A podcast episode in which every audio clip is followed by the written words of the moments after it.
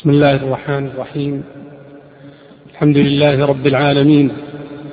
صلى الله وسلم وبارك على نبينا محمد وعلى آله وصحبه أجمعين. أما بعد أيها الأحبة منابر الحج عنوان شامل لسلسلة من المحاضرات في هذا الجامع. والتي يلقيها أصحاب الفضيلة على مسامعكم والتي نسأل الله بمنه وكرمه أن ينفع بها من سمعها. أما محاضرة اليوم أما محاضرة اليوم فهي لصاحب الفضيلة عبد المح عبد المحسن بن عبد الله الزامل بعنوان القواعد الفقهية ومقاصدها في الحج.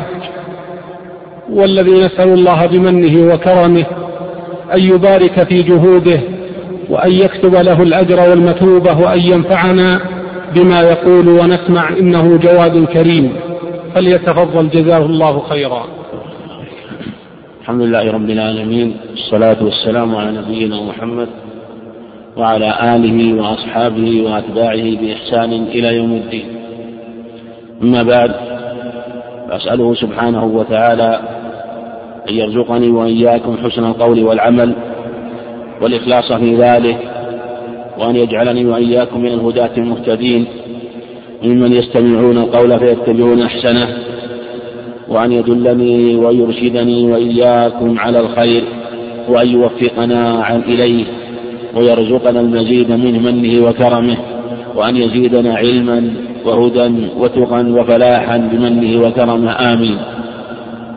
لا شك أن الحج ركن من أركان الإسلام وقد أجمع على ذلك الأئمة الأعلام كما ثبت ذلك في الكتاب العزيز والسنة النبوية عن النبي الكريم عليه الصلاة والسلام.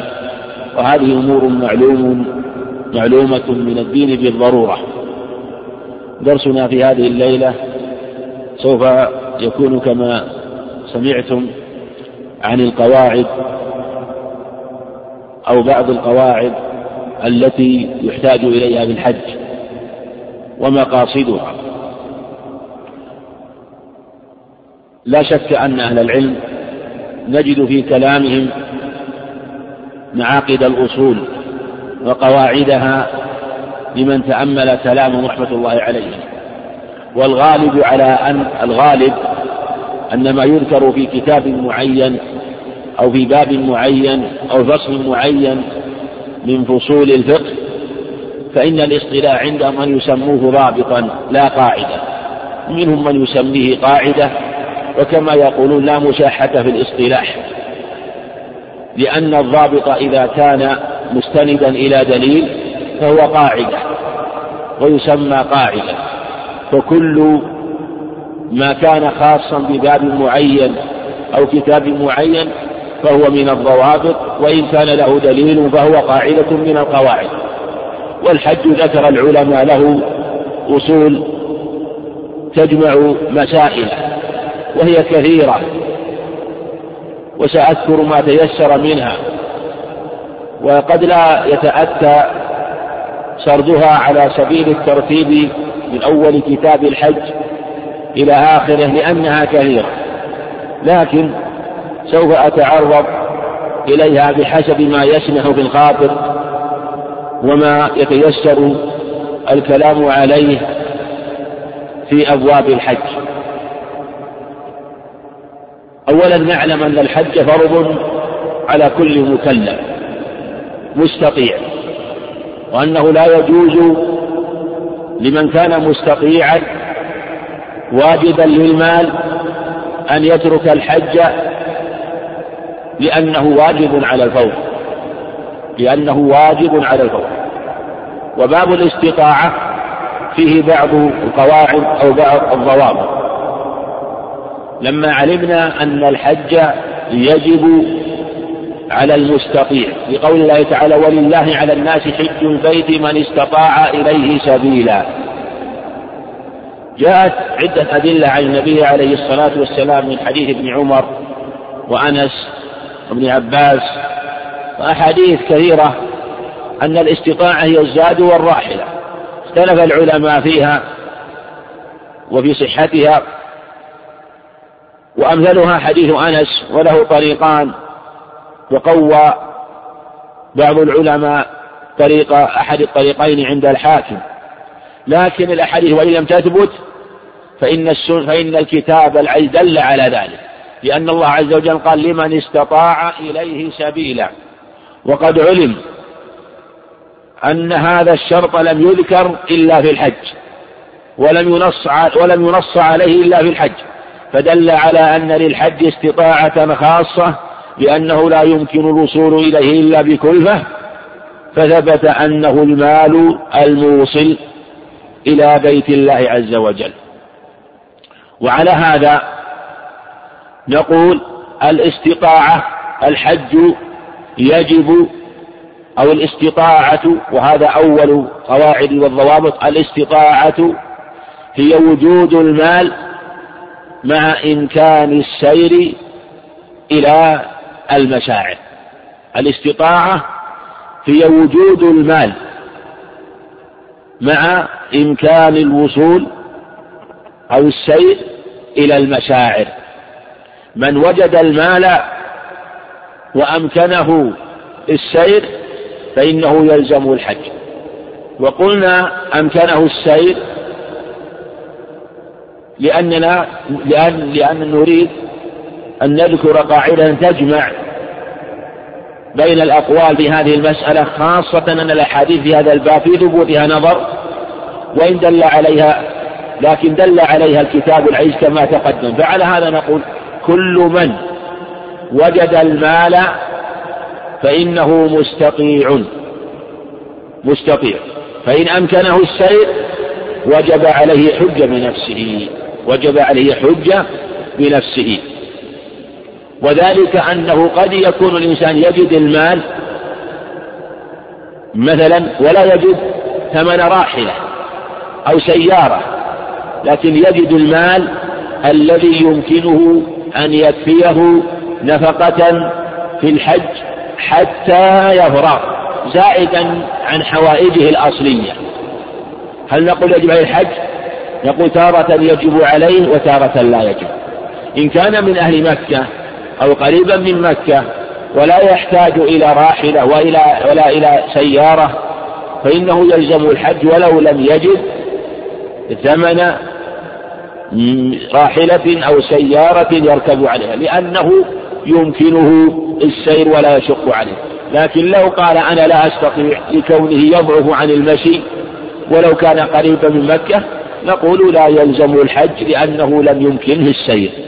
وعلى هذا من كان بعيدا عن مكة فيحتاج زيادة على المال الذي هو نفقة يحتاج إلى مال يمكنه الوصول به إلى مكة وهو الأجرة أو المركوب الذي يوصله. وهذا كما تقدم يجمع الأقوال في هذه المسألة. وعلى هذا نقول كل من وجد المال وجب عليه الحج إما بنفسه وإما بغيره. فلو أن إنسان يجد المال الذي يوصله إلى مكة والمال الذي يكفيه نفقة لكنه لا يستطيع الحج لكبر سنه أو مرضه المزمن نقول يجب عليه الحج بنائبه لا بنفسه. وإن كان يستطيع السير هو والحج هو وجب عليه الحج بنفسه. إذا الاستطاعة هي وجود المال. المال يصير يكون موجودا. يتفرع على هذه القاعدة قاعدة أخرى وهي الاستطاعة وجود المال لا تحصيله أو حصوله لا لا القدرة على كسبه. ما معنى هذا؟ لو أن إنسان يقول أنا أستطيع ليس عنده مال لكنه يستطيع أن يكسب يستطيع أن يبيع ويشتري ويحصل مال. هل يلزمه أن يتكسب وأن يبيع ويشتري حتى يجد المال فيحج؟ نقول لا يلزمه لأن الاستطاعة هي حصوله لا تحصيله.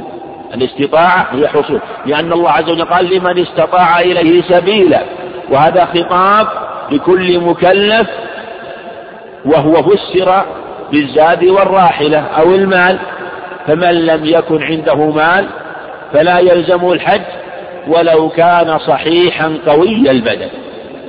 ولو مات فلا إثم عليه لأنه ليس مخاطبا بفرض الحج لأن هذه هي الاستطاعة هي حصوله حصول المال. وهذه قاعدة الشريعة أيضا في الحج وفي غيره.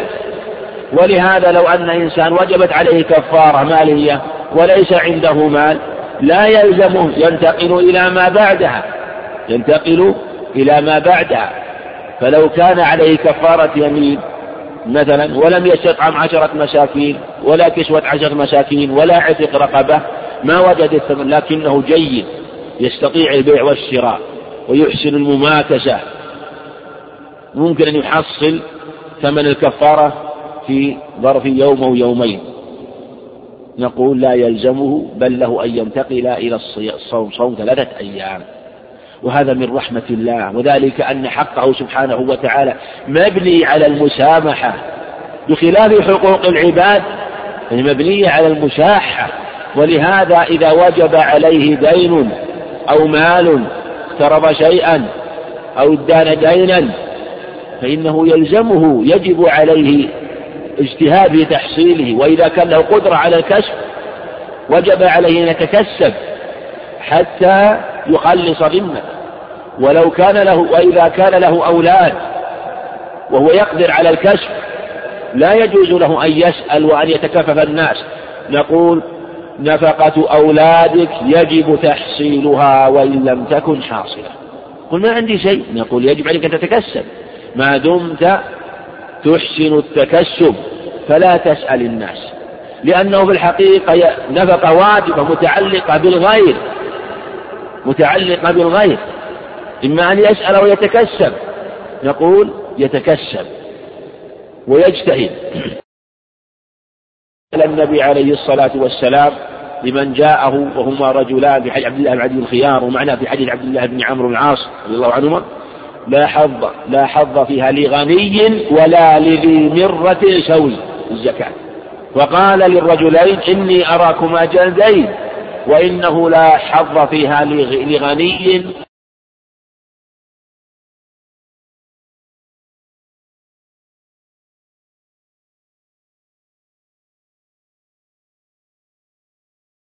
لأن السؤال ذلة لغير الله عز وجل. وينبغي للإنسان أن يصون قلبه حتى لا يتذلل لغير الله سبحانه وتعالى ويخلصه ويحرره لله عز وجل سبحانه وتعالى. كما خلقك وليس له شريك فيجب أن تعبده عبادة كاملة بلا شريك سبحانه وتعالى. فلهذا كان حقه مبنيا على المسامحة سبحانه وتعالى. فلم يطالب عباده بشيء لا يجدونه. وهذا في الحج في الحقيقة متضح. لو أن إنسان من فروع قاعدة هذه أيضا فروع الاستطاعة وهو نقول إن الاستطاعة لا تحصل ببذل الغير. هذه قاعدة متفرعة أيضا أو ضابط آخر أن الاستطاعة في الحج لا تحصل ببذل الغير. لو أن إنسان ما يستطيع الحج ما عنده مال. قال إنسان أو صاحب مثلا حملة قال حج معي أنا أتكفل بك. ذاهبا وآتيا نفقتك علينا وسكنك علينا حتى ترجع. نقول يلزم ولا ما يلزمه؟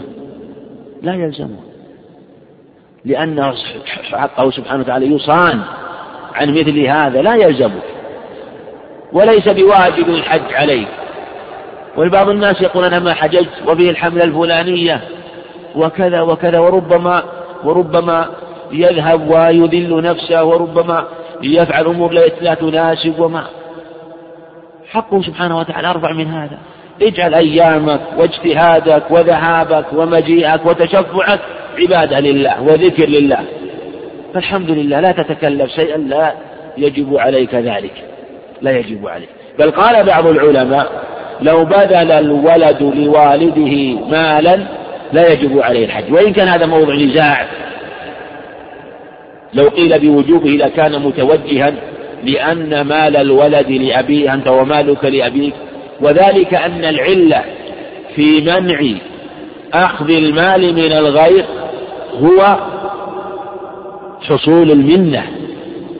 لا شك أن النفس تنكسر حينما يصنع لها المعروف وهذا واقع. والشارع الحكيم سد الأبواب في هذا سدا محكما حتى إن الإنسان إذا تصدق في صدقة على إنسان لو تصدقت مثلا على إنسان بكتاب أو بسيارة أو ببيت ثم هذا أحتاج هو محتاج فعرضه للبيع. وكنت حاضرا لا يجوز لك أن تساوي ما فيه ولا أن تبتاعه منه. ولو أعطاكه بريال. يقول النبي عليه الصلاة والسلام لعمر رضي الله عنه كما في الصحيحين لما أنه جعل فرسا حبس جعل فرسا في سبيل الله أو جعله لرجل أعطاه إياه للغزو وللجهاد فأضاعه فأراد أن يبيعه. وأراد عمر أن يشتريه فسأل النبي عن ذلك عليه الصلاة والسلام فقال لا تبتعه ولا تعد في صدقتك ولو أعطاكه بدرهم. يعني جعله عائدا في الصدقة مع أنه اشتراه بالمال. ما العلة؟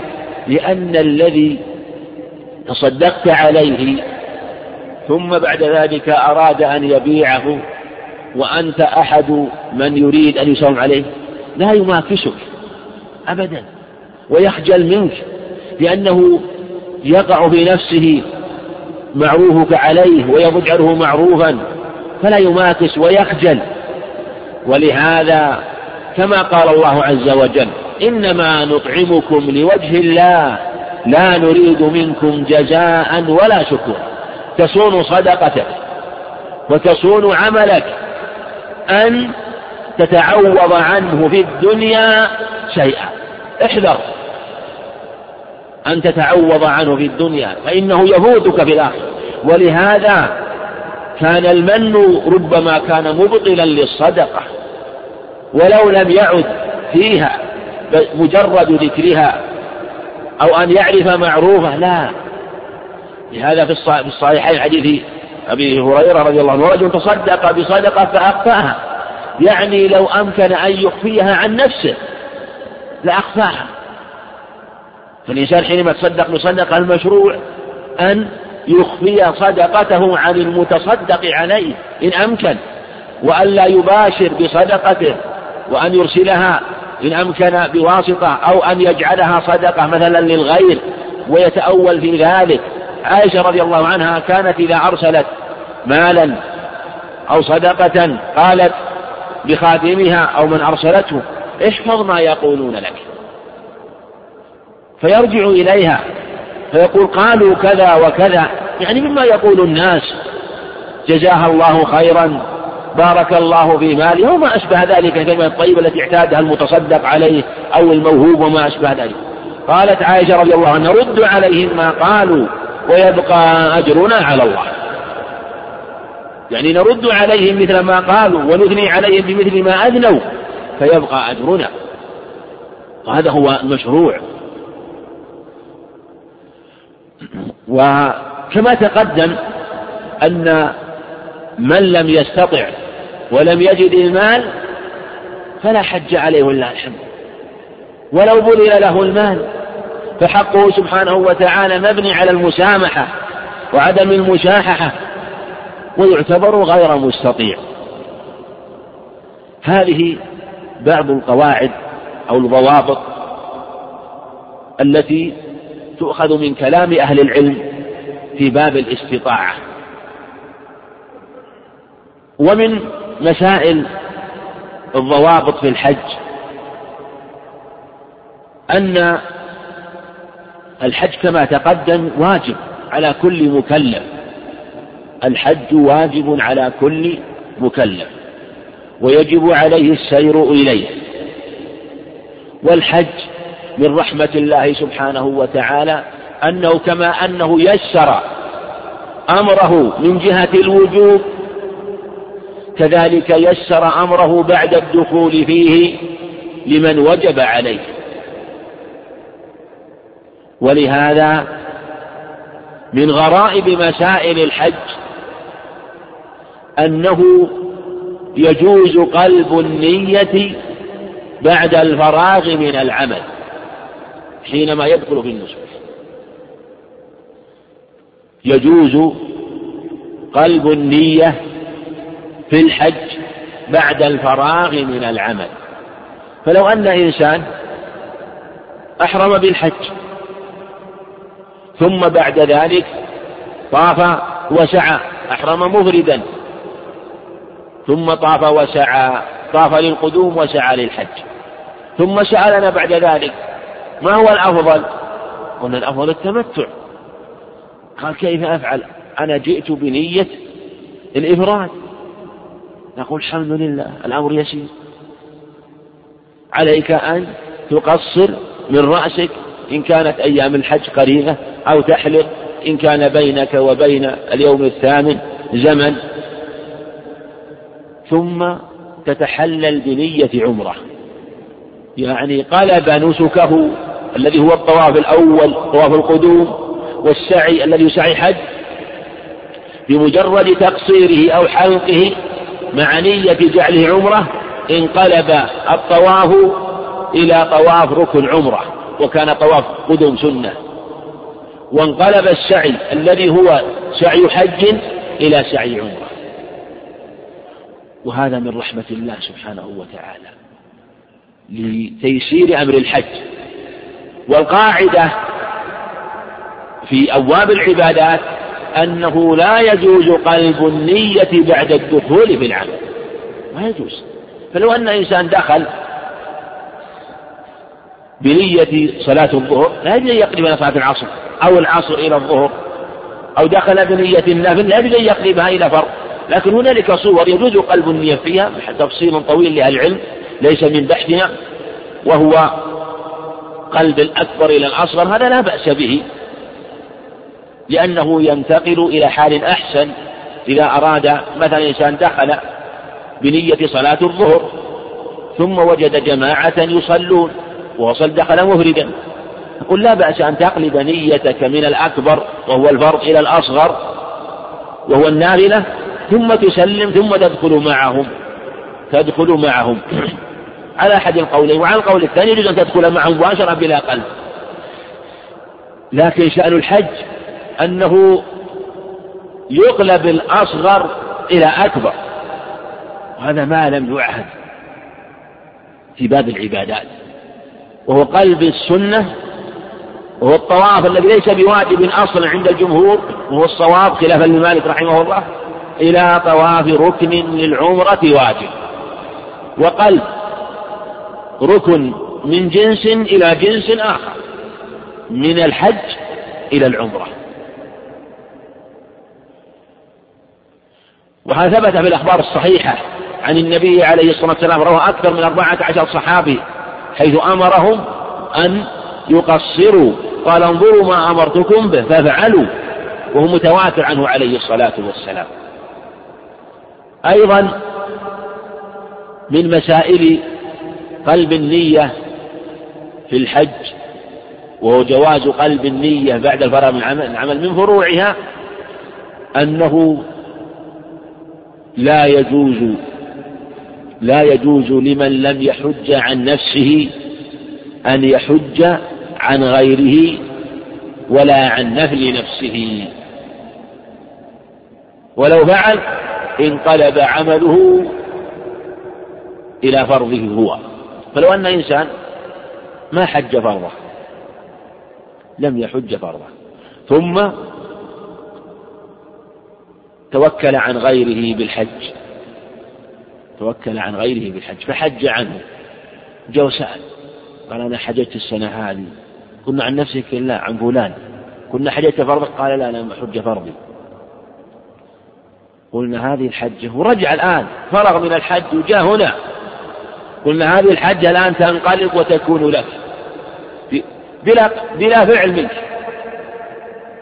حتى ولو لم يقلبها. بمجرد فراغه منها تكون الحجة له. وعليه أن يعطي ذاك نفقته التي أعطاه إياه. لأن النبي عليه الصلاة والسلام فيما صح عنه هو حديث متصل على الصحيح أي ابن عباس رأى رجل يلبي قال لبيك عن شبرمة. قال من شبرمة؟ قال أخ لي أو صديق. قال حججت عن نفسك؟ قال لا. قال اجعل هذه عن نفسك ثم حج عن شبرمة فلفظ اجعل هذه عن نفسك ثم اجعل ثم حج عن شبرمة يعني جاء بيجعل وجاء حج عن نفسك. وهذا الحديث لم يذكر النبي عليه الصلاة والسلام فيه تفصيلا.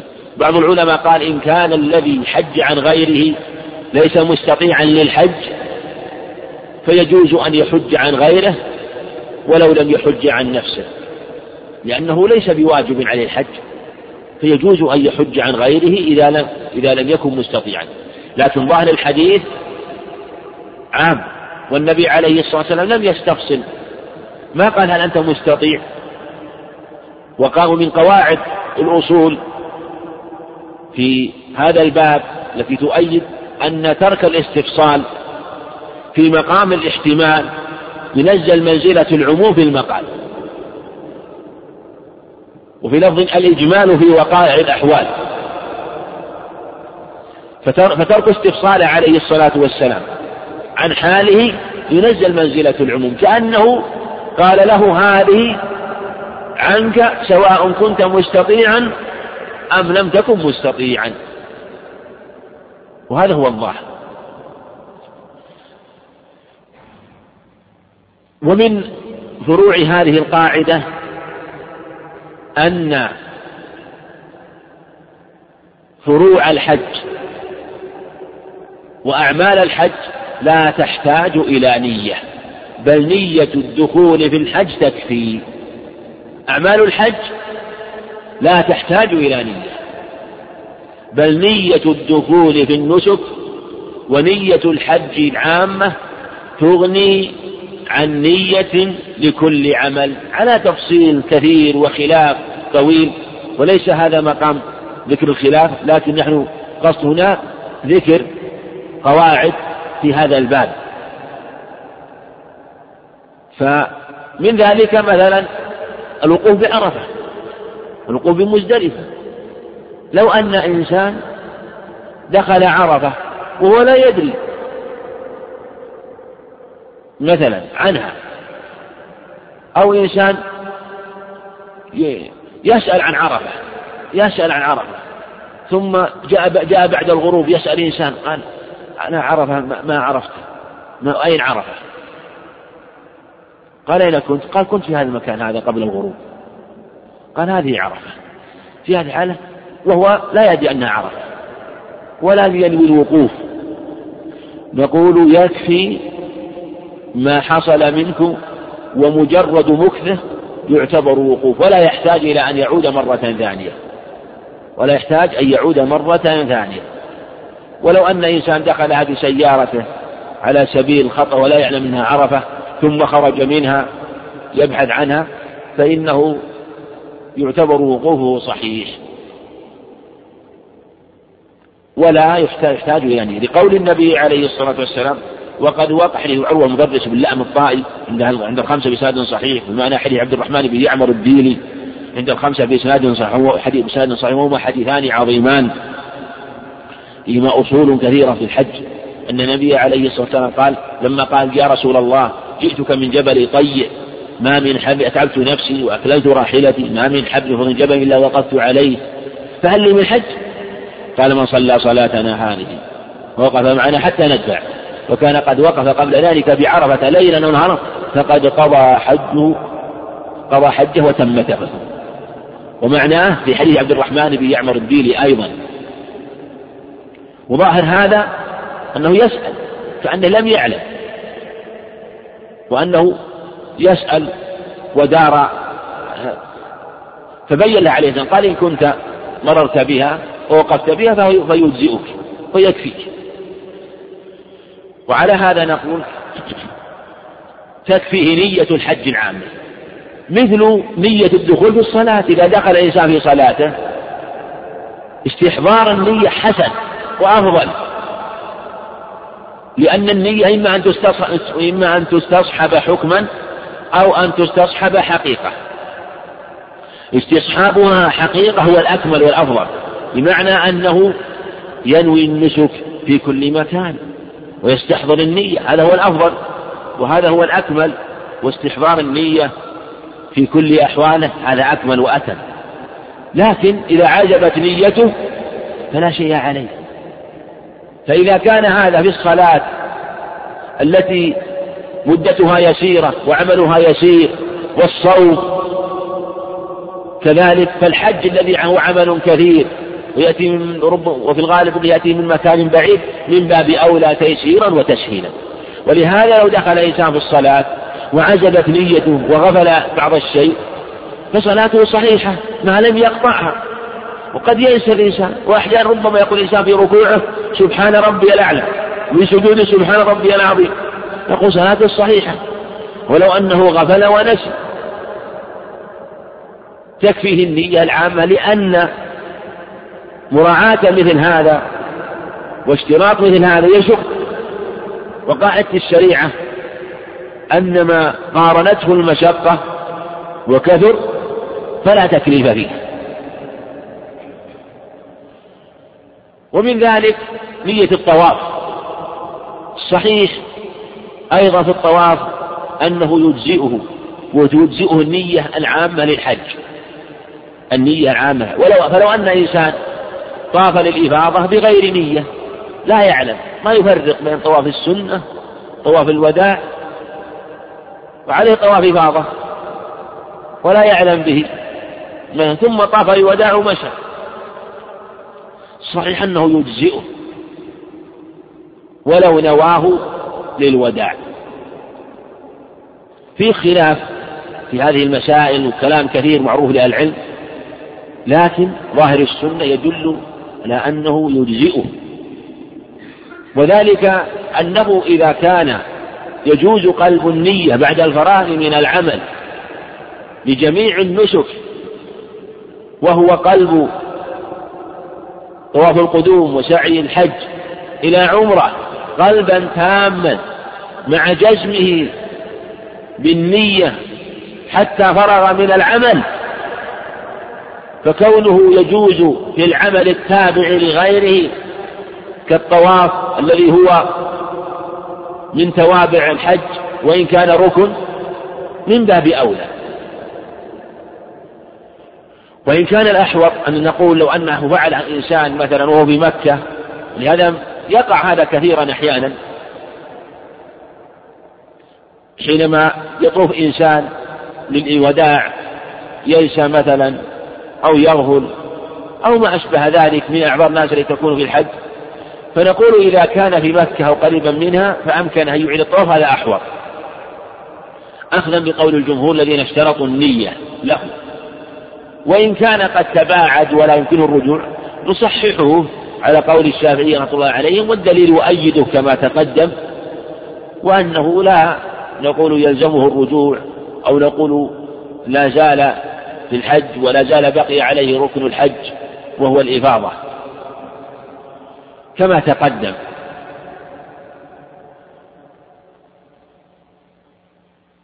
هذا من المسائل المتعلقة بالنية وهو قلب النية بعد الفراغ منها وما تفرع عنها. من القواعد أو الضوابط في باب النسك في باب الحج أيضا أن الحج ثلاثة أقسام. العلماء كما نعلم حينما يذكرون ضوابط وقواعد يجعلون الضوابط والقواعد هي الحصر كما يفعل بعضهم يحصرون مثلا أركان الحج أركان العمرة محظورات الإحرام يجعلونها ضوابط. ومنهم من يجعل مثلا أخذ قواعد من الأدلة تجمع مسائل تكون ضوابط هذا أقرب كما تقدم. وعلى هذا نقول إن الحج في باب الأنساك ثلاثة أقسام على الإجمال وعلى التفصيل خمسة إفراد وتمتع وقران. أفضلها التمتع ثم القران ثم الإفراد على أحد الأقوال في هذه وفيها خلاف لكن التمتع أفضل على كل حال. التمتع أفضل على كل حال لأنه هو الذي أمر النبي به عليه والسلام وأحاديثه متواترة. وهذه الأنساك الثلاثة. والتمتع معناه هو أن تحرم بالحج في أشهر الحج وابتداؤها من مغيب الشمس ليلة واحد من شوال ليلة الفطر ليلة العيد. وتمامها بيوم العاشر من شهر ذي الحجة وقيل إلى آخر شهر ذي الحجة. إلى آخر ذي الحجة كما هو قول مالك وذكروا بعض الفوائد للخلاف في هذه المسألة. وبعضهم يقول لا فائدة في الخلاف. فيحرم بالعمرة في أشهر الحج ثم يحج من عامه. فهذا هو المتمتع وله شروط مذكورة في كتب أهل العلم. فمن حج من اعتمر ثم بقي في مكة حتى حج من عامه ولم يرجع إلى أهله إلى بيته وإلى بلده فإنه يكون متمتع وعليه الهدي. القارن هو أن يحرم بالعمرة والحج أو يحرم بالعمرة ثم يدخل عليه الحج قبل الشروع في طوافها. الإفراد هو أن يلبي بالحج وحده. وعلى هذا نقول إن من يريد النسك له أحوال. تارة يجتمع للثلاثة أنساك وهذا هو أفضل الأحوال. أفضل الأحوال. أن يحرم مثلا إنسان بالعمرة في رمضان أو قبل رمضان ثم بعد ذلك يحرم بالحج والعمرة يحرم بالعمرة متمتع ويحرم بالحج. فهذا هو أفضل الأنساك على الإطلاق. أفضلها. لأنه اجتمع له ثلاثة أنساك أو أربعة أنساك إذا كان قد أحرم بالعمرة مرتين. ثم أحرم بالعمرة والحج أحرم بالحج بالعمرة متمتعا وتحلل منها ثم أحرم بالحج. هذا هو النوع الأول. هو اجتماع ثلاثة أنساك في سفرتين مثلا أخذ عمرة في رمضان وثم رجع. ثم بعد ذلك يريد النسك. نقول تحرم بالعمرة وتتحلل منها ثم تحرم بالحج وتكون متمتعا. وهذا هو أفضل الأحوال لاجتماع ثلاثة أنساك في سفرتين يليه وهو الإفراد المتفق عليه. وهو أن يحرم بنسكين في سفرتين. يعني أن يأخذ عمرة في رمضان يعني قبل أشهر الحج ثم يحرم بحج مفرد. بحج مفرد. بحج مفرد. هذا يلي ذاك الذي قبله.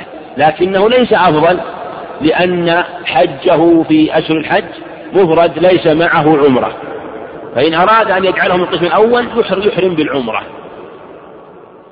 وهذا هو الذي أراده عمر رضي الله عنه حينما أمر الناس بالإفراد وقال أفردوا حجكم من عمرتكم.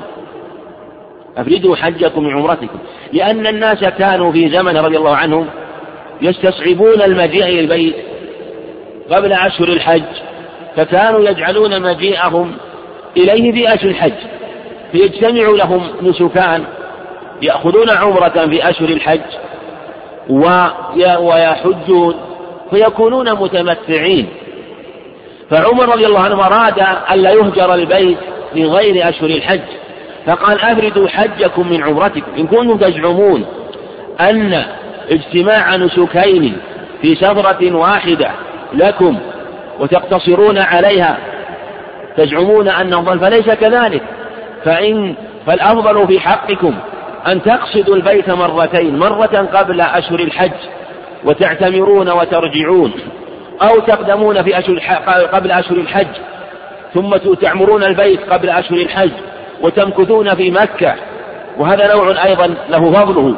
حتى تدخل أشهر الحج فتحرمون بالحج من مكة مفردين فهذا أفضل لكم من كونكم تحرمون بنسكين في شفرة واحدة. ولهذا أشكل كلام عمر رضي الله عنه على كثير من الناس منذ القديم. حتى كان ابن عمر وابن عباس يبين الناس أن عمر أراد أن يعمر البيت وأن لا يهجر. فكان الناس إذا ألحوا عليهم وخالفوهم وكان ابن عمر يقول إن, أب يعني إن أباه لم يرد هذا لم يرد ذلك ولم يرد أن الإفراد مثلا هو الأفضل كما حمل عليه بعض الناس في زمانهم من بعض الولاة وغيرهم. فكانوا إذا خالوا ذلك يقول أفا عمر تتبعون أم رسول الله صلى الله عليه وسلم؟ يعني لو أن عمر قال ذلك وقال إن الإفراد أفضل. وحده أفرد الحج وأفرد العمرة. أفرسول الله تتبعون أم عمر؟ وكذلك قال ابن عباس يوشك أن تنزل عليكم حجارة من السماء. أقول قال رسول الله تقولون؟ قال أبو بكر وعمر. هذا قال أبو بكر وعمر. فكان أبو بكر وعمر يبين الناس فإذا أشكل عليهم بينوا وإذا أصروا قال إن كانوا كما تقولون. فرسول الله صلى الله عليه وسلم قد أمر بالتمتع وأمر أصحابه بالتمتع وأمرهم أن يتحللوا بعمرة وكثير منهم قد أخذوا عمرة قبل ذلك. لأنهم كانوا يعتمرون في رمضان وغير رمضان ولم يقل. لا يتحلل بالحج بالعمرة إلا من كان لم يأخذ نسكا قبل ذلك بل كانوا يعتمرون. ومع ذلك أمرهم بالعمرة عليه الصلاة والسلام وتمنى ذلك صلوات الله وسلامه عليه. إذا بين لهم ذلك. رضي الله عنه. وكان بعض الناس ممن يحجون ممن يسألون. ربما وقع على كلام لشيخ الإسلام رحمه الله ابن تيمية رحمه الله في هذا. وقالوا إنه يقول إن الحج المفرد مع العمرة المفرد أفضل من التمتع. يذكرون كلام الله رحمه الله. وقد سأل عن هذا بعض من حج في أعوام سبقت وحج بعضهم مفردا. في العام السابق والذي قبله وربما سألني أو سأل غيري فيقول إنه أفضل. نقول لماذا هو أفضل؟ يقول إن شيخ الإسلام يقول إن قول الأئمة الأربعة. أو أن وقال إن من حج من أفرد الحج بسفرة والعمرة بسفرة فهو أفضل.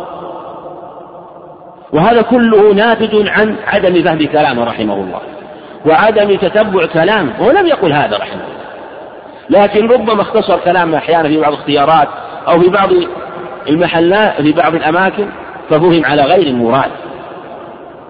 وجعل حجة في تفضيل الإفراد مطلقا. والصواب كما تقدم كما تقدم. بل هو رحمه نص في أكثر من موضع الفتاوى أنه قال إن من أفرد العمرة بسفرة والحجة بسفرة فهو أفضل من تمتع خاص بسفرة واحدة. هكذا نص رحمه الله. بلفظ من تمتع بعمرة مجرد يقول هو أفضل من تمتع خاص تمتع خاص بسفرة واحدة. هكذا نص رحمه الله في الفتاوى. في أولها وفي آخرها. في عدة صفحات منها. في من صفحة 85 في المجلد السادس والعشرين إلى ثمانية صفحة 88 صفحة 276 أيضا كرر هذا 277 رحمه الله. ونص على أن العمرة وحكاه وقال إن هذا هو الذي دلت عليه السنة. وهذا واضح ما في إشكال. معنى أن العمرة المفردة والحجة المفردة بسفرتين أفضل من تمتع خاص بسفرة واحدة. الذي كان يفعله الناس قديما لأن الناس ليسوا مثل الآن. يتيسر لهم قدوم البيت كثيرا. لا. الناس قديما. الذي يأتي البيت مرة واحدة قليل. والذي يأتيه مرتين عقل فهم أمروا إذا أرادوا أن يأتوا. إن كان لا يريد أن يأتي إلا مرة واحدة. فيحرم بالحج والعمرة. يحرم بالتمتع بالعمرة ثم يحرم بالحج. وإن كان يأتيه مرتين مرتين فله حالتان. يحرم بالعمرة ثم يرجع وهو قبل أشهر الحج. أو في أشهر الحج ثم يرجع. ثم بعد ذلك إذا عاد يقول السنة أن تأخذ عمرة ثانية. السنة أن تأخذ عمرة ثانية وتحرم بعد ذلك بأن تكون متمتعا. لكن لو أنه أخذ عمرة ثم رجع ثم أخذ حجة واحدة. نسكين في سفرتين تمتع وإفراد وشخص آخر لم يسافر لبيت إلا مرة واحدة. في أشهر الحج تمتع بعمرة ثم أحرم بالحج. نقول أنت أفضل من ذاك الذي تمتع. بحجك المفرد إضافة لعمرتك المفردة لكن لست أفضل من إنسان أخذ عمرة مفردة قبل الحج ثم أخذ حجا تمتعا. فتحصل أن المراتب على هذه أن الحج على هذه المراتب وهنالك قران بلا خلاف وهو من تمتع من لبى بهما جميعا ثم ساق الهدي فهذا يجب عليه يبقى على نسكه ولا يتحلل واختلف العلماء هل أيهما أفضل هو أم التمتع وهو, وهو محل نزاع واجتهاد. ثم اختلفوا إذا ساق الهدي هل له أن يتمتع أو ليس له أن يتمتع.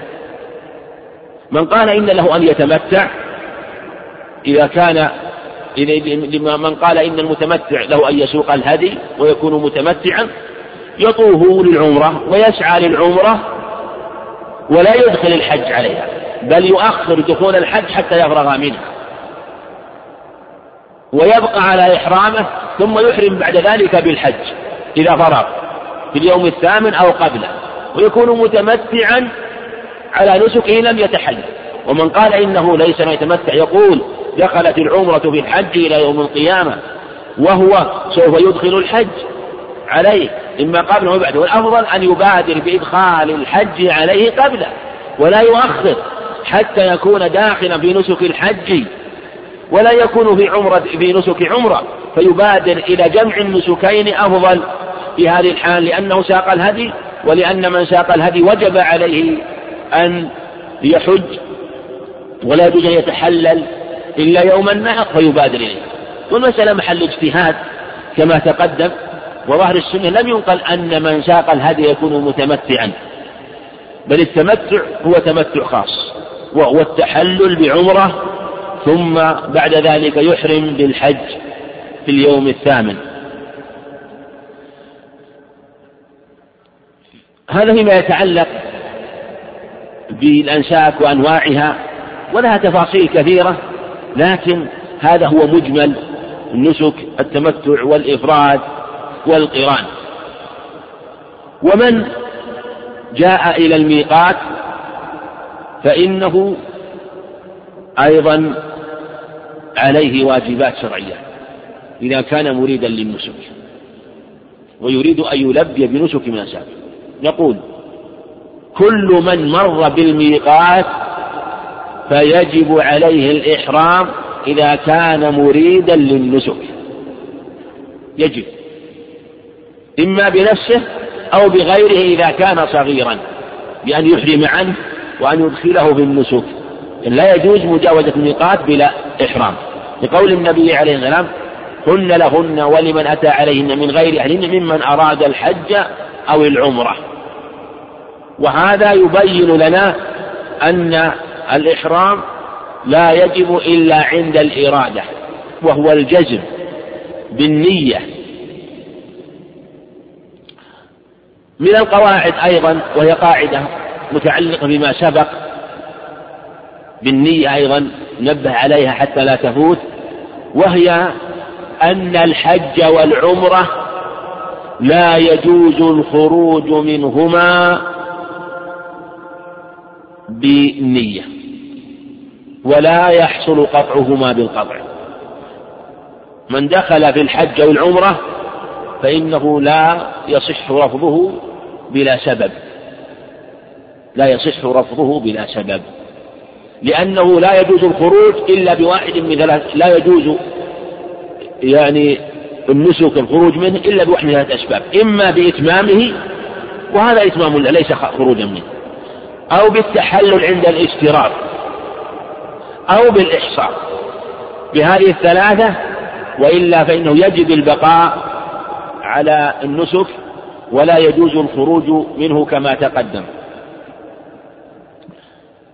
هذا متعلق بما سبق من جهة نية النسك. من المسائل المتعلقة في باب الإحرام بعدما مر به مريدا للإحرام فأحرم أنه يجب أن المحرم لا يجوز له أن يلبس كل ما أحاط بالبدن أو بجزء منه. كل ما أحاط بالبدن أو بجزء منه فلا يجوز للمحرم أن لا يجوز للمحرم الذكر أن يلبسه دون المرأة. فالمحرم الذكر إذا أراد الدخول في النسك أو أو من أراد الدخول في النسك من الذكور فكل ثوب أحاط بالبدن أو ببعضه فلا يجوز فلا يجوز لبسه ما نقول فيه خياطة؟ لا. ولا نقول المخيط. نعبر بالإحاطة دون الخياطة. لأن هذا هو الذي جاء في لفظ النبي عليه الصلاة والسلام في حديث ابن عمر وما جاء في معنى لا يلبس المحرم لا يلبس المحرم القمص ولا العمائم ولا السراويلات ولا البرانس. فالنبي عليه الصلاة والسلام نبه بالثياب التي تغطي جميع البدن وبالثياب التي تغطي بعض البدن جزءا منه. وهذا هو الذي يجب أن يجتنبه المحرم. المرأة ليست كالرجل بل تلبس كل شيء يعني في باب اللباس إلا النقاب والقفازين والقفاز وما مس الور وما مس الثياب من الطيب. هذه لا يجوز أن تلبسها المرأة بس وما سواه تلبس ما شاء من الثياب. وعلى هذا كما تقدم كل ما أحاط بالبدن لا يلبس. الرأس يختلف. الرأس لا يجوز تخميره للمحرم. ما نقول لا يستر بالملبوس؟ لا لا يجوز تخمير يجب كشفه يعني. أما البدن يستر أما الرأس يكشف. ولهذا النبي عليه الصلاة والسلام نبه بالعمامة على كل ما غطى الرأس لأن العمامة ممكن تغطي الرأس ممكن تجعلها إزار ممكن أن تجعلها رداء فنهى عن العمامة التي قد تكون للرأس وقد تكون إزارا وقد تكون رداء. فالمحرم منهي عن تغطية رأسه. ولهذا في الصحيحين عن ابن عباس ولا في المحرم الذي وقصته راحلة وقصت راحلته يوم عرفة قال لا تخمروا رأسه عند مسلم ولا وجهه فإنه يبعث يوم القيامة ملبيا. فالمحرم لا يغطي رأسه سواء كان مصنوع للرأس أو غير مصنوع. لكن لا بد أن يكون الساتر معتادا. معنى لو كان غير معتاد فلا بأس به. ولهذا النبي قال لا تخمروا رأسه. ما قال لا تضعوا على رأسه شيئا لا. لهذا لو أن المحرم مثلا وضع يده على رأسه لا بأس. لأنه ليس ساترا معتادا. إنما الممنوع هو الساتر المعتاد. قال لا تخمروا. قال العمائم لا يلبس المحرم ذكر لما ما يلبس قال لا يلبس القمص ولا السراويلات ولا العمائم ولا البرانس ولا الخفاف إلا رجل لا يجد خفين فليطلع حتى يكون أسفل من الكعبين. وهذا جاء في حديث ابن عباس نصفه في الحديث الآخر ولا تلبس من الثياب شيئا مسه الورس ولا الزعفران. وفي اللفظ الآخر قال ولا تخمروا رأسه. وعلى هذا لو أن المحرم حمل كيسا على رأسه أو متاعه على رأسه أو فراشه على رأسه لا بأس. وبعض العلماء فرق كابن عقيل وجماعة قالوا إن كان حمل على رأسه متاعا ينوي أن يغطي رأسه فإنه لا يجوز يفتدي وإن حمله لغير ذلك بحاجة فلا بأس. وهذا التفريق موضع نظر. لأنه كما قلنا إن الإحرام شيء لا يجوز لبس شيء مصنوع له مثل السراويلات لأسفل البدن والفنايل لأعلاه والقميص للكتفين فما أسفل إلى الكعبين والبرانس لجميع البدن للرأس مع البدن وهي الثياب التي يلبسها المغاربة مثل الثياب التي يلبسها بعض الناس في ثياب المهنة أو النوم ونحو ذلك يكون رأسه منه ملزقا به. فنبه عليه الصلاة والسلام بذلك على ما يغطى به البدن مما صنع له. أما الرأس فلا. فدل على ولهذا لو أن المحرم غطى بدنه بأي شيء ولم يكن مصنوعا لا بأس بذلك. كذلك أيضا لو غطى بدن رأسه على وجه لا تخمير فيه لا بأس بذلك. وكما تقدم المرأة كالرجل في باب المحظورات إلا في هذين الشيئين إلا في هذين الشيئين.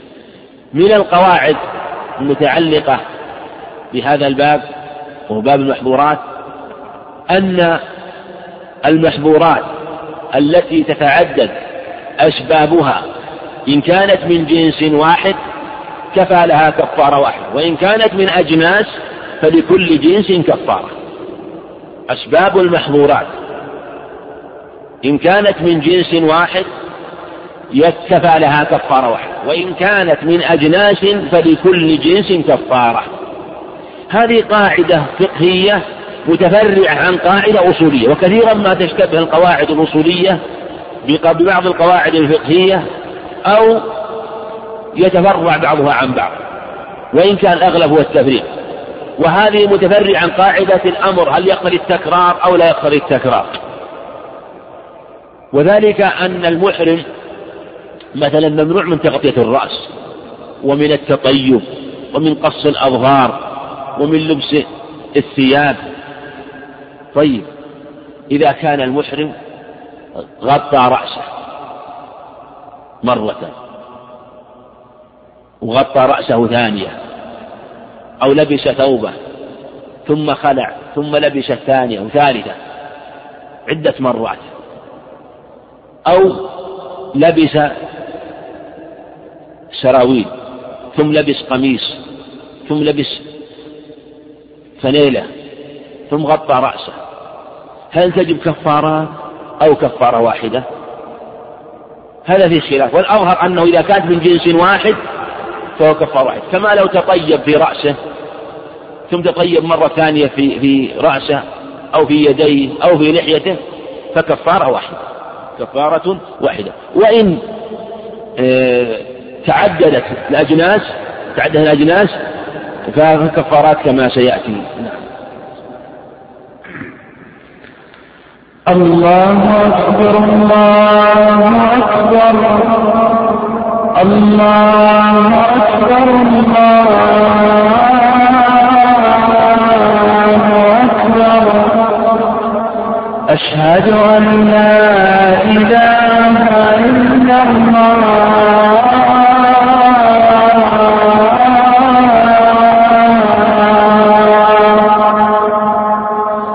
أشهد أن لا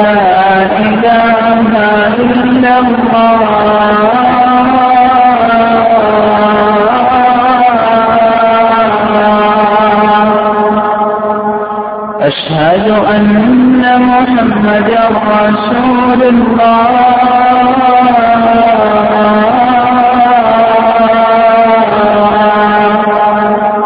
أشهد أن محمدا رسول الله.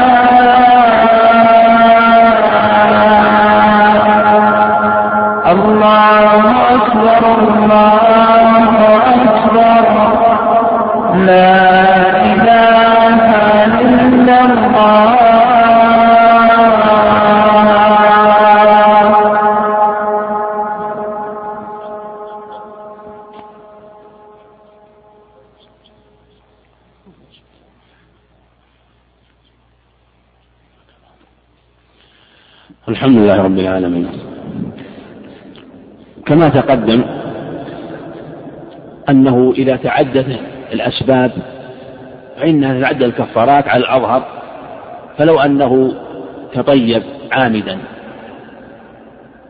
ولبس عامدا وقص الظهر عامدا قص الظهر على خلاف هذا في العدد وقص حلق شعره عامدا فإن عليه لكل فعل كفارة لاختلاف الأجناس. لاختلاف الأجناس. فعليه كفارة عذاب. فدية من صيام أو صدقة أو نسك طعام طعام ستة مساكين أو ذبح شاة أو صيام ثلاثة أيام. مخير بين هذه الأجزاء كما في حديث كعب بن عجرة.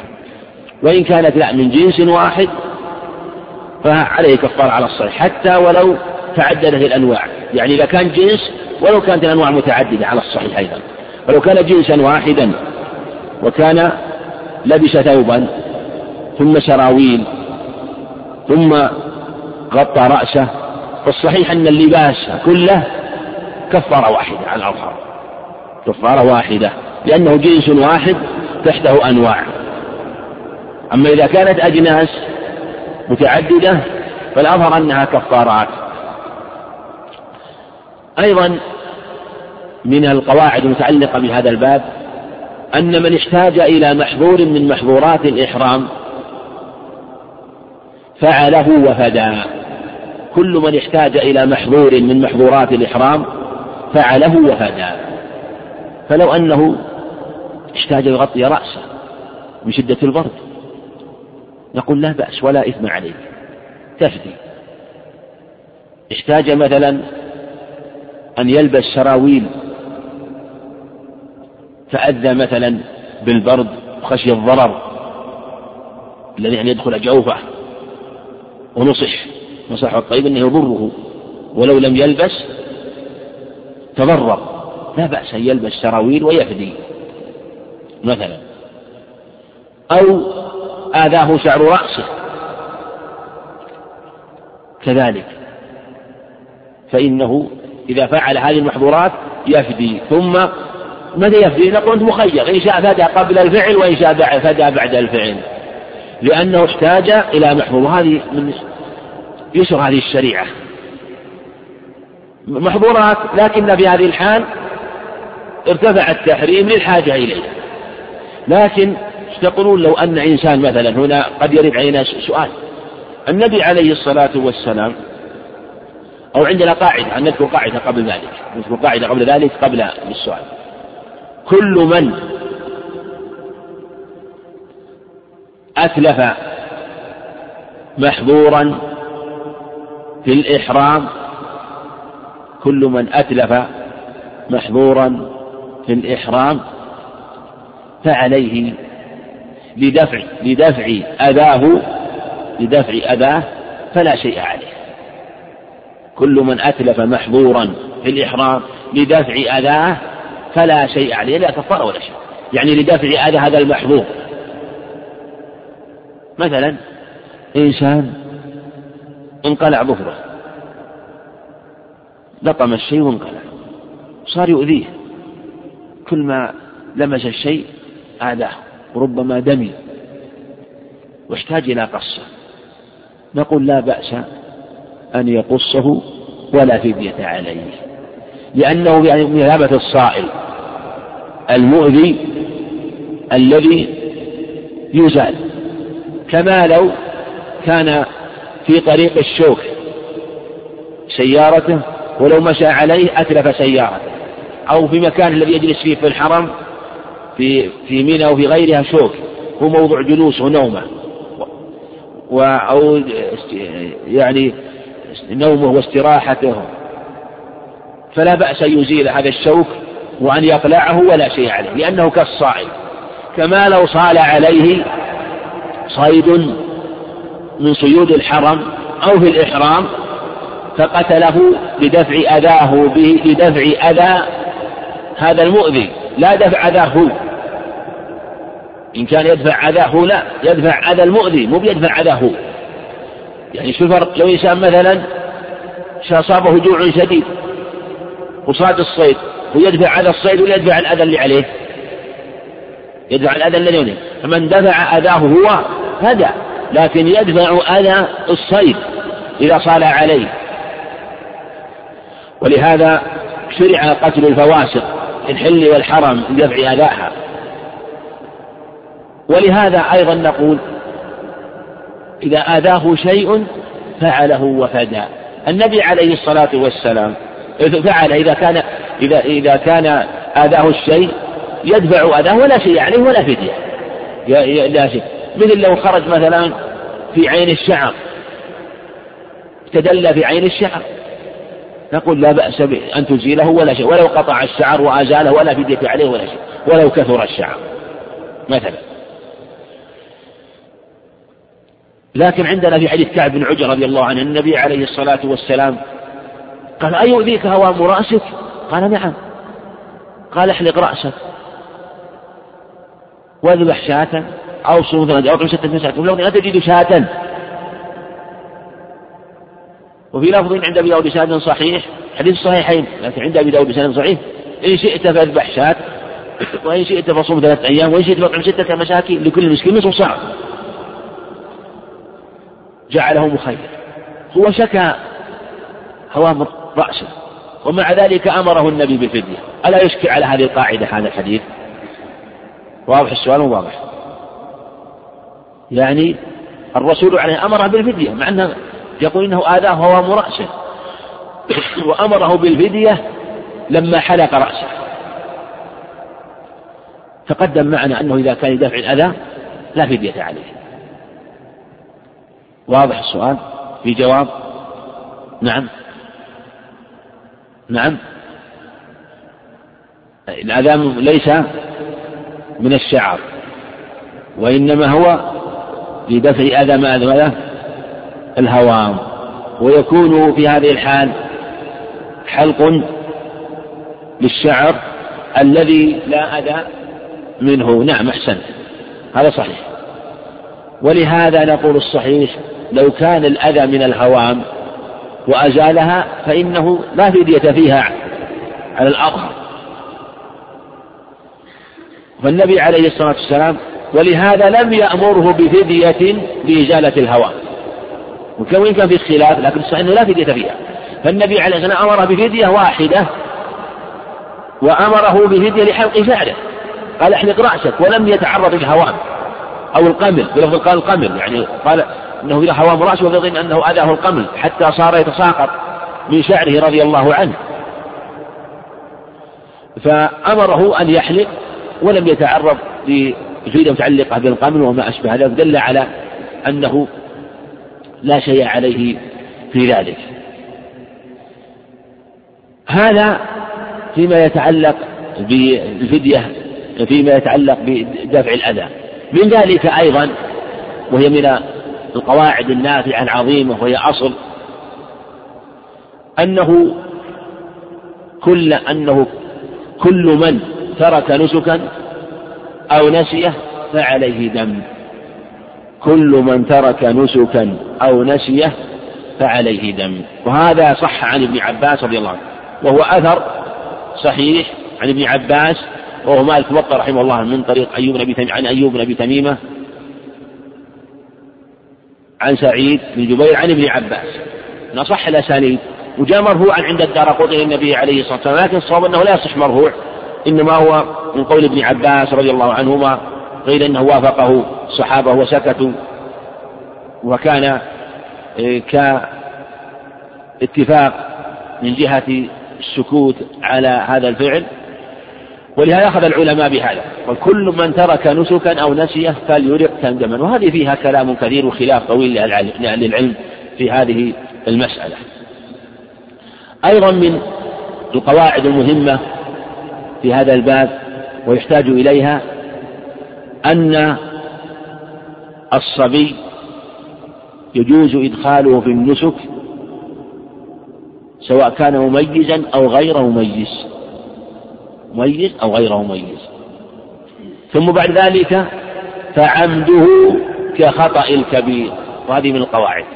عمد الصبي كخطأ الصغير. هذه متعلقة بالإحرام لكنها في حكم الصبي إذا أراد وليه أن يدخله النسك ولو كان صغيرا. وثبت في صحيح صحيح صحيح مسلم ابن عباس رضي الله عنهما أنه لقي النبي ركبا بالروحاء. فرأت إليه امرأة صبيا فقال هي حج. قال نعم ولك أجر. صحيح البخاري حديث سعد يزيد قال حج بي مع النبي عليه الصلاة وأنا ابن سبع سنين. كذلك في حديث جابر رضي الله عنه. قال حججنا في الصبيان فلبينا عنهم ورمينا عنهم. وأحمد بن ماجه. والأحاديث في هذا الباب واضحة في أنه لا بأس بحجه. والقواعد في هذا كثيرة لكن هذا ما تيسر منها. أسأله سبحانه وتعالى لي ولكم التوفيق والسداد كل خير.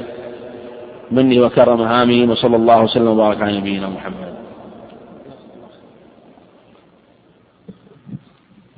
جزاك الله خير.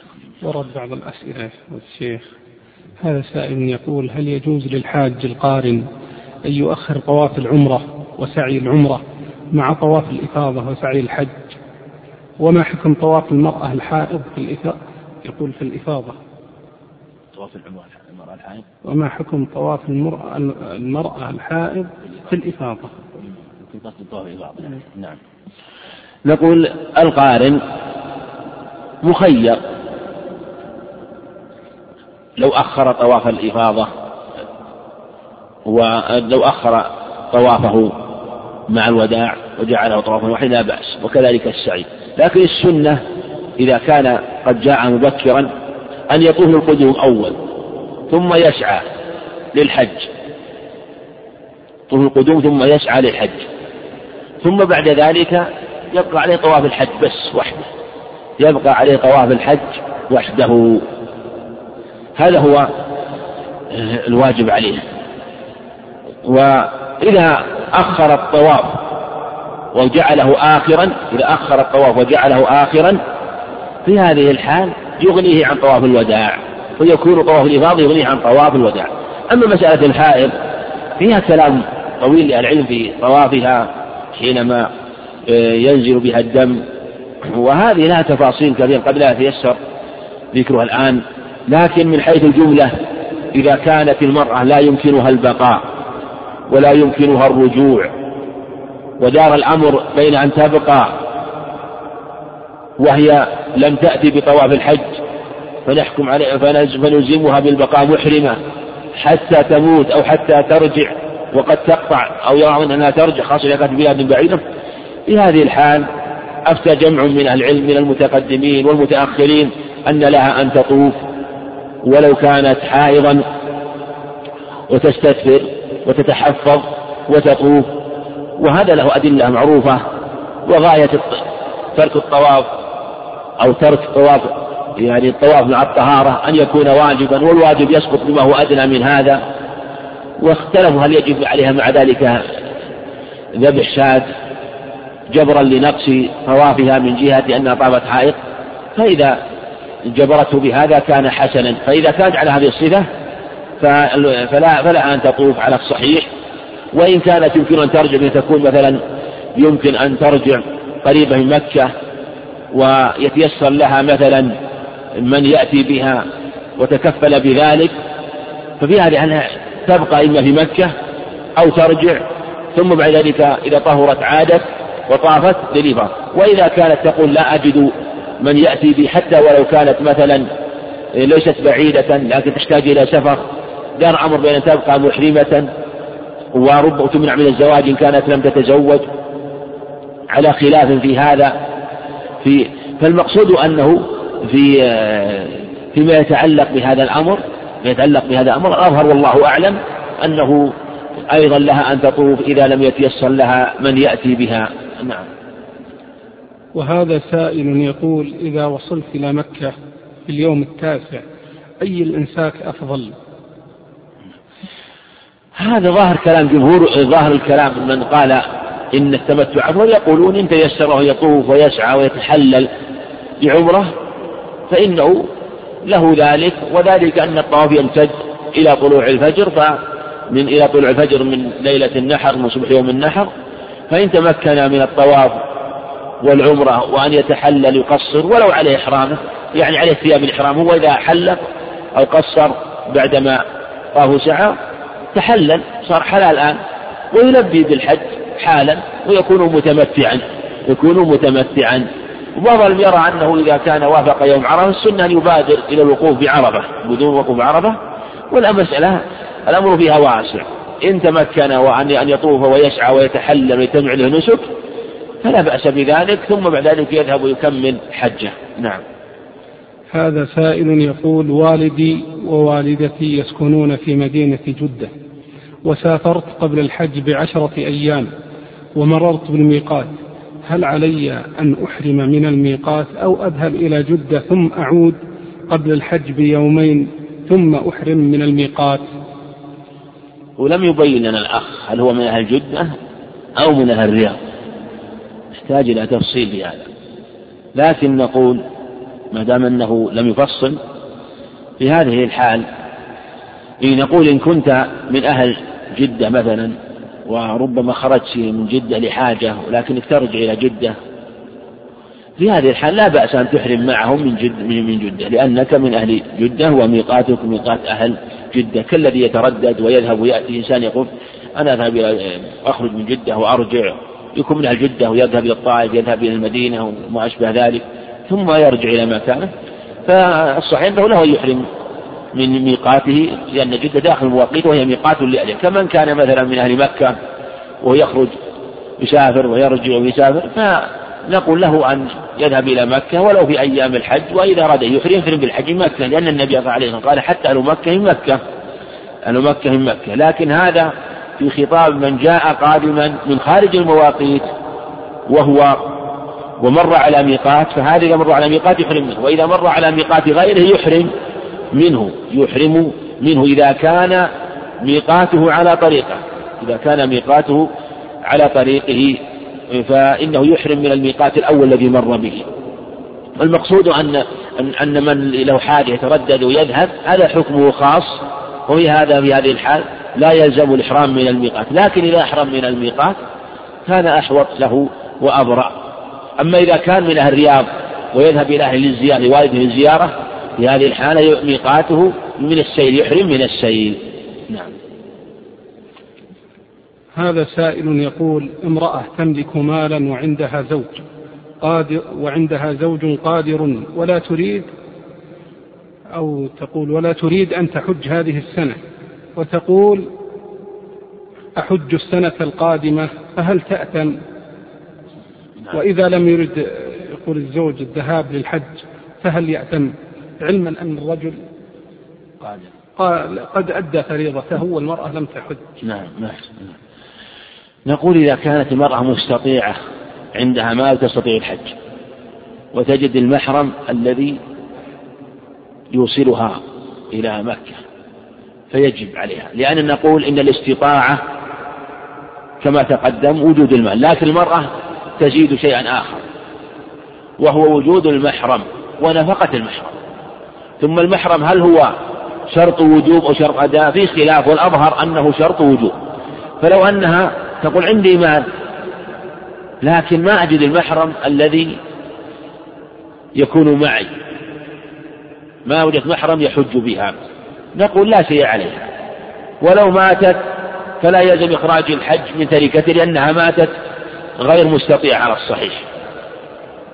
وهذه إن كانت تقول إن زوجها قادر معنى أنه يريد أن يحج معها أو أذن لها أن تحج مع أحد محارمها من أولادها من أبنائها مثلا أو من إخوانها. ففي هذه الحال يلزمها ويجب عليها إذا كانت تستطيع الحج بنفسها وهي قادرة ببدنها وقادرة بمالها يعني ثلاثة أمور القدرة بالمال والقدرة بالبدن ووجود المحرم. فإذا توفر هذه الشروط وجب عليها ولا يجوز أن تتأخر هذا العام. ولا قولها حج العام الآتي من يدريها. هي الآن هي الآن إذا أدركت هذه الحج هذه السنة نعمة عظيمة ويجب عليها ولا يجوز لها أن تؤخر وهي آثمة وكل من استطاع الحج وتأخر عنه وهو قادر فهو آثم. ولو مات يموت آثما عاصيا مع الاستطاعة. فنقول الأخت بارك الله إن كانت قادرة وتوفر المحرم فيجب عليها وتبادر حتى تؤدي هذا الركن الواجب عليها. نعم. هذا سائل يقول ذكرتم في المحاضرة أن الأنساك ثلاثة. أن الأنساك ثلاثة إجمالا وخمسة تفصيلا. فهلا بينتم لنا حفظكم الله ما هي الخمسة تفصيلا؟ نقول إن عندنا التمتع نوعان. تمتع بسفرة واحدة وهو أن يحرم بالحج بالعمرة ثم يحرم ثم يتحل ثم يحرم بالحج ثم يحرم بالحج. هذا نوع تمتع. أفضل منه من أحرم بعمرة بسفرة ثم كما تقدم معنا سافر أيام الحج وأحرم بعمرة ثم أحرم بالحج تمتع. هذا هو النوع الثاني. وهذا المتمتع أفضل من المتمتع الأول. النوع الثاني هذا نوعان في المتمتع. في القرآن نوعان. النوع المتفق على جوازه هو الذي قرن الحج وساق الهدي. قرن الحج وساق الهدي. هذا قران متفق عليه. قران متفق على آه، أفضليته ولا خلاف فيه. قران الثاني من لبى بالحج والعمرة ولم يسق الهدي هذا رتبته أقل من رتبة ذاك ولهذا ليس أفضل من التمتع واختلف العلماء في التمتع الذي اللي ساق في الهدي مع التمتع ورجح جمع من العلم أن القارن الذي الهدي أفضل من المتمتع التمتع الخاص. القراء الإفراد كذلك الإفراد كذلك عندنا فيه نوعان إفراد الحج وحده بلا عمرة إنسان أخذ حجة واحدة بس ولم يسبقها عمرة. وآخر أخذ حجة مفردة وعمرة مفردة. أحرم بالحج قبل أشهر الحج أحرم بالعمرة قبل أشهر الحج.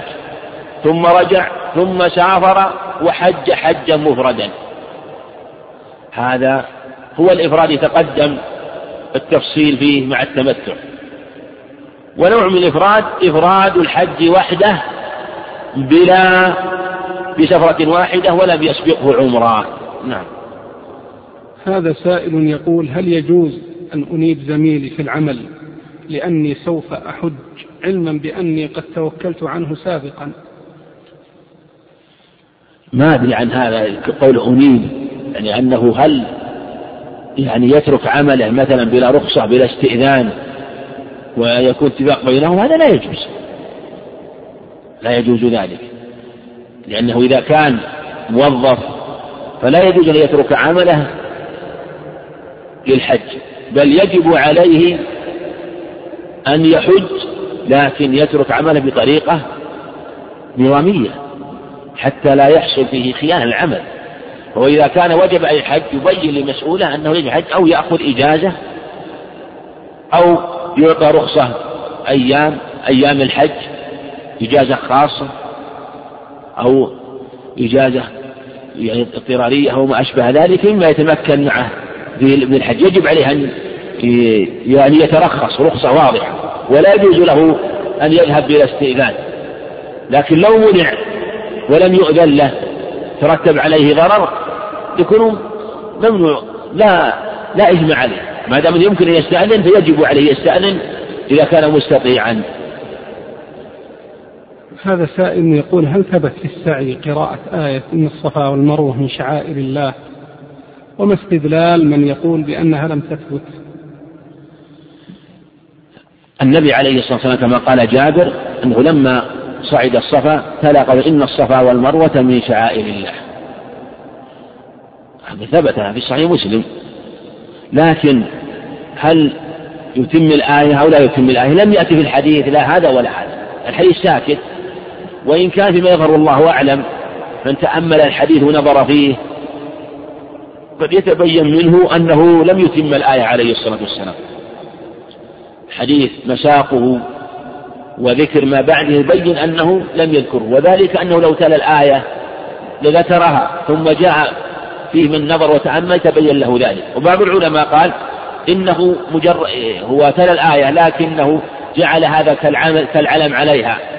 من قولك الحمد لله رب الحمد لله رب العالمين على مع الفاتحة دلالة عليها. فهذه أولها دلالة على باقيها. لكن هذا موضوع نظر. موضوع نظر وإن يعني أتمها لا ينكر عليه لكنه ظاهر الحديث يدل على أنه اكتفى بهذا هذا فيما يظهر والله أعلم. من قول اتخذوا مقام إبراهيم مصلى لما جاء إلى المقام وأراد يصلي ركعتين عليه الصلاة والسلام بعد الطواف. هذا سائل يقول ما حكم لبس ما يسمى بالوزرة التي ليست بمخيطة بل فيها ما يسمى المغاط؟ هذه إن كان قصدها ما الشعر من اللباس الذي يحيط بالبدن. وتكون مغلقة من جميع الجهات غير مفتوحة. هذه اللي يتبين لي والله أعلم أنها لا يجوز لبسها هذا اللي يظهر الله أعلم. لأنها في الحقيقة مصنوعة لأسفل البدن. وتشبه التنورة للنساء. إذا كانت على هذه الصفة فهي تشبه ما يسمى بهذا اللباس وعلى هذا يكون فيها محذوران. أول شيء من جهة أنها ملبوس لأسفل البدن. والأمر الثاني أن فيه تشبه بالنساء في لباسهن. وذلك أنها أيضا آه، مثل ما تقدم محاطة ومغلقة من جميع الجهات غير مفتوحة. فإن كانت مفتوحة مفتوحة مثلا يعني تلف ويمكن أنه لو آه، مثلا فتحها بقدمه تخرج جميع القدم يخرج ساق وفخذه منها لكنها مدارة وهي قد سكرت من أعلى وضع فيها مثلا خياطة من أعلى فهذا أمرها يسير. لأن في هذه الحالة ما خرجت عن صفة الإيزار ولا عن صفة الرداء الذي يحيط بأعلى البدن فهي مثل مثل إلا أنها وضع فيها خياطة من أعلى مثل ما لو وضع مشابك. يعني ولهذا نص العلماء يجوز أن يتخذ الهميان لحفظ النقود وهو يحيط بالإزار من أعلى ويمنعه من الانفتاح. كذلك أيضا آه، نصوا على أنه يجوز أن يتخذ مثلا مشابك ويشبك فيها إحرامه. دل على أن مثل هذا اليسير لا بأس به. أما إذا كانت محيطة إحاطة تامة بالبدن فالذي يظهر والله أعلم أنها في الحقيقة لا تجوز. فيها محاذير. أولا مثل ما تقدم محيطة بأسفل البدن وهذا من جنس اللباس الخاص لأسفل البدن. الأمر الثاني يعني مصنوع عليها أسفل البدن الأمر الثاني أن فيها تشبه بالنساء. الأمر الثالث أن هذا من لباس الترفه في الحقيقة. رفاهية. وربما وجد فيها الذي يلبسها من من الراحة ما لا يجد في السراويل أحيانا. و والقاعدة المحرم أنه لم يأتي ليترفه في اللباس. وصنع اللباس على هذه الجهة ينافي حال المحرم. ولباس رفاهية فليس لباس إحرام. هذا الذي يتبين لي وإن المسألة موضع اجتهاد لكن هذا الذي يظهر لي والله أعلم في هذه المسألة في هذا الوقت الآن. نعم. أحسنت. علما يا شيخ أن أن بعض الأسئلة التي وردت هل يجوز لبس ما يشبه التنورة؟ مثل ما ذكرت. نعم هو هذه اللي سبق. إي نعم وردت أسئلة نعم نعم كلها يسمونها كذا. ما يشبه التنورة هذا هو ولهذا إحنا سمعنا من كل من يسأل يقولون على هالصيغة هم يقولون مثل ما تقدم في السؤال. هي لباس الحقيقة مثل ما يسمى بالتنورة من لباس النساء. وهذا واضح. وعلى هذا آه، هي لباس آه، يعني خاص ولباس لأسفل البدن بلا إشكال. وما ولهذا مثلا ما يلبس لأعلى البدن هو من هذا الجنس. محيط به مثل البنينة محيط به حتى إن بعض العلم قالوا لو لبس القبا يقولون القبا يوم الكوت الكوت الذي مفتوح من أمام. لو لبسه المحرم هدى. إذا كان هذا يفدي إذا لبسه. أو لبس مثلا دقلة مفتوحة. يفدي أو مشلح. يفدي وهو مفتوح. فكيف مثلا في هذا اللباس المحيط؟ بل قالوا وهو الأظهر والله أعلم. لو وضع القباء على كتفيه ولم يدخل يديه فدى على الصحيح. أو إنسان أخذ دقله لبسها على على كتوفه ولم يدخل يديه فيها. صحيح إنه يهدي.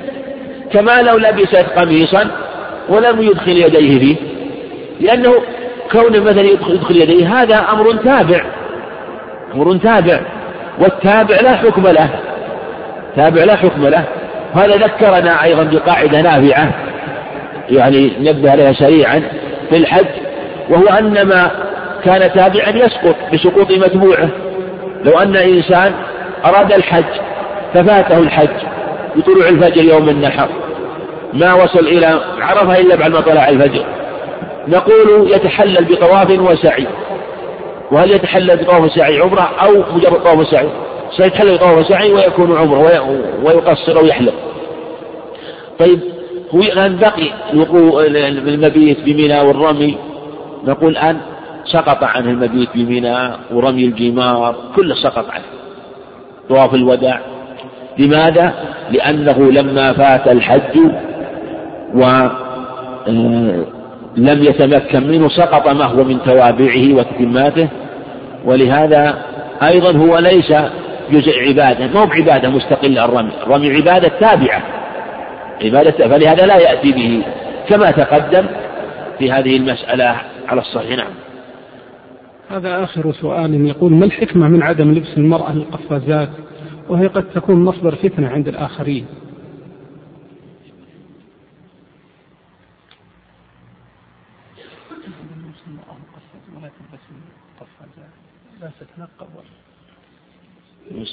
قول مصدر فتنة ما أدري قصدي. يعني مصدر فتنة إذا يعني إذا لما لم تلبس مثلا نحن نقول إنها ما تلبس. ما تلبس القفازات وما تلبس مثلا مثل ما قلنا ما تلبس النقاب. هل معنى ذلك أنها ما تغطي وجهها؟ لا. بل النقاب فيه الفتنة في الحقيقة. ولهذا نقول ليس معنى ذلك أنها إذا كانت لا تلبس النقاب أنها تستر أنها تكشف وجهها. لا. تستر وجهها مثل مثل الرجل الرجل لا يلبس القميص لكن هل يستر بدنه ولا ولا يكشف بدنه؟ يستر بدنه لكن لا يستر بالقميص. يستر أسفل البدن لكن لا يستر بالسراويل. فوجه المرأة كبدن الرجل لا كرأسه. ولهذا قول من قال إحرام المرأة في وجهها ضعيف لا يصح هذا. وجه المرأة كبدن الرجل معنى أنها لا تلبس على وجهها ولا تضع على وجه ما صنع على قدره. البرقع والنقاب لكن لها أن تغطي وجهها بالخمار. كذلك ما تلبس القفاز الذي صنع عليه اليدين كالرجل لكن لها أن تغطي يديه بل تغطي يديها بالعباءة أو بالخمار تغطي. فهي لم تنهى عن تغطية اليدين ولم تنهى عن تغطية الوجه. النبي يعني قال لا ولا تنتقد. ما قال ولا تغطي وجهها. ولهذا روى أحمد وأبو داود من حديث عائشة رضي الله عنها قالت كان الركبان يمرون بنا مع رسول الله صلى الله عليه وسلم. فإذا حاذونا سدلت إحدانا من جلبابها من رأسها من جلبابها على وجهها. فإذا جاوزونا كشفنا. ورواه الموطأ عن أسماء معناه أيضا عنها رضي الله عنها. قالت سدلت أحيانا من جلبابها على وجهها فإذا جاوزونا كشفنا فكان إذا من الركبان سترت وجهها لأن ستر الوجه لا بأس به بالخمار لكن لا تغطيه بما صنع له بما صنع له مثل ما أن الرجل ما يغطي بدنه بما صنع له. ولهذا قلنا إن هناك شيء لا لا يوضع عليه شيء مطلقا وهو الرأس. وهناك شيء لا يصنع لو يوضع عليه ما صنع له. فكذلك وجه المرأة. وهذا هو الصواب يعني أما من قال إنها تضع الخمار على وجهها وترفعه بعود كما ذكره صاحب القرقي رحمه الله جماعة حتى لا يصيب وجهه هذا قول ضعيف الحقيقة. قول ضعيف ولا دليل عليه. بل ربما قيل إنه ضعيف جدا والسنة تدل على خلاف. المرأة يجب عليها أن تستر وجهها إذا كانت عند الأجانب سواء كانت محرمة أو غير محرمة. والله أعلم وصلى الله وسلم وبارك على نبينا محمد. شكر الله لكم الشيخ.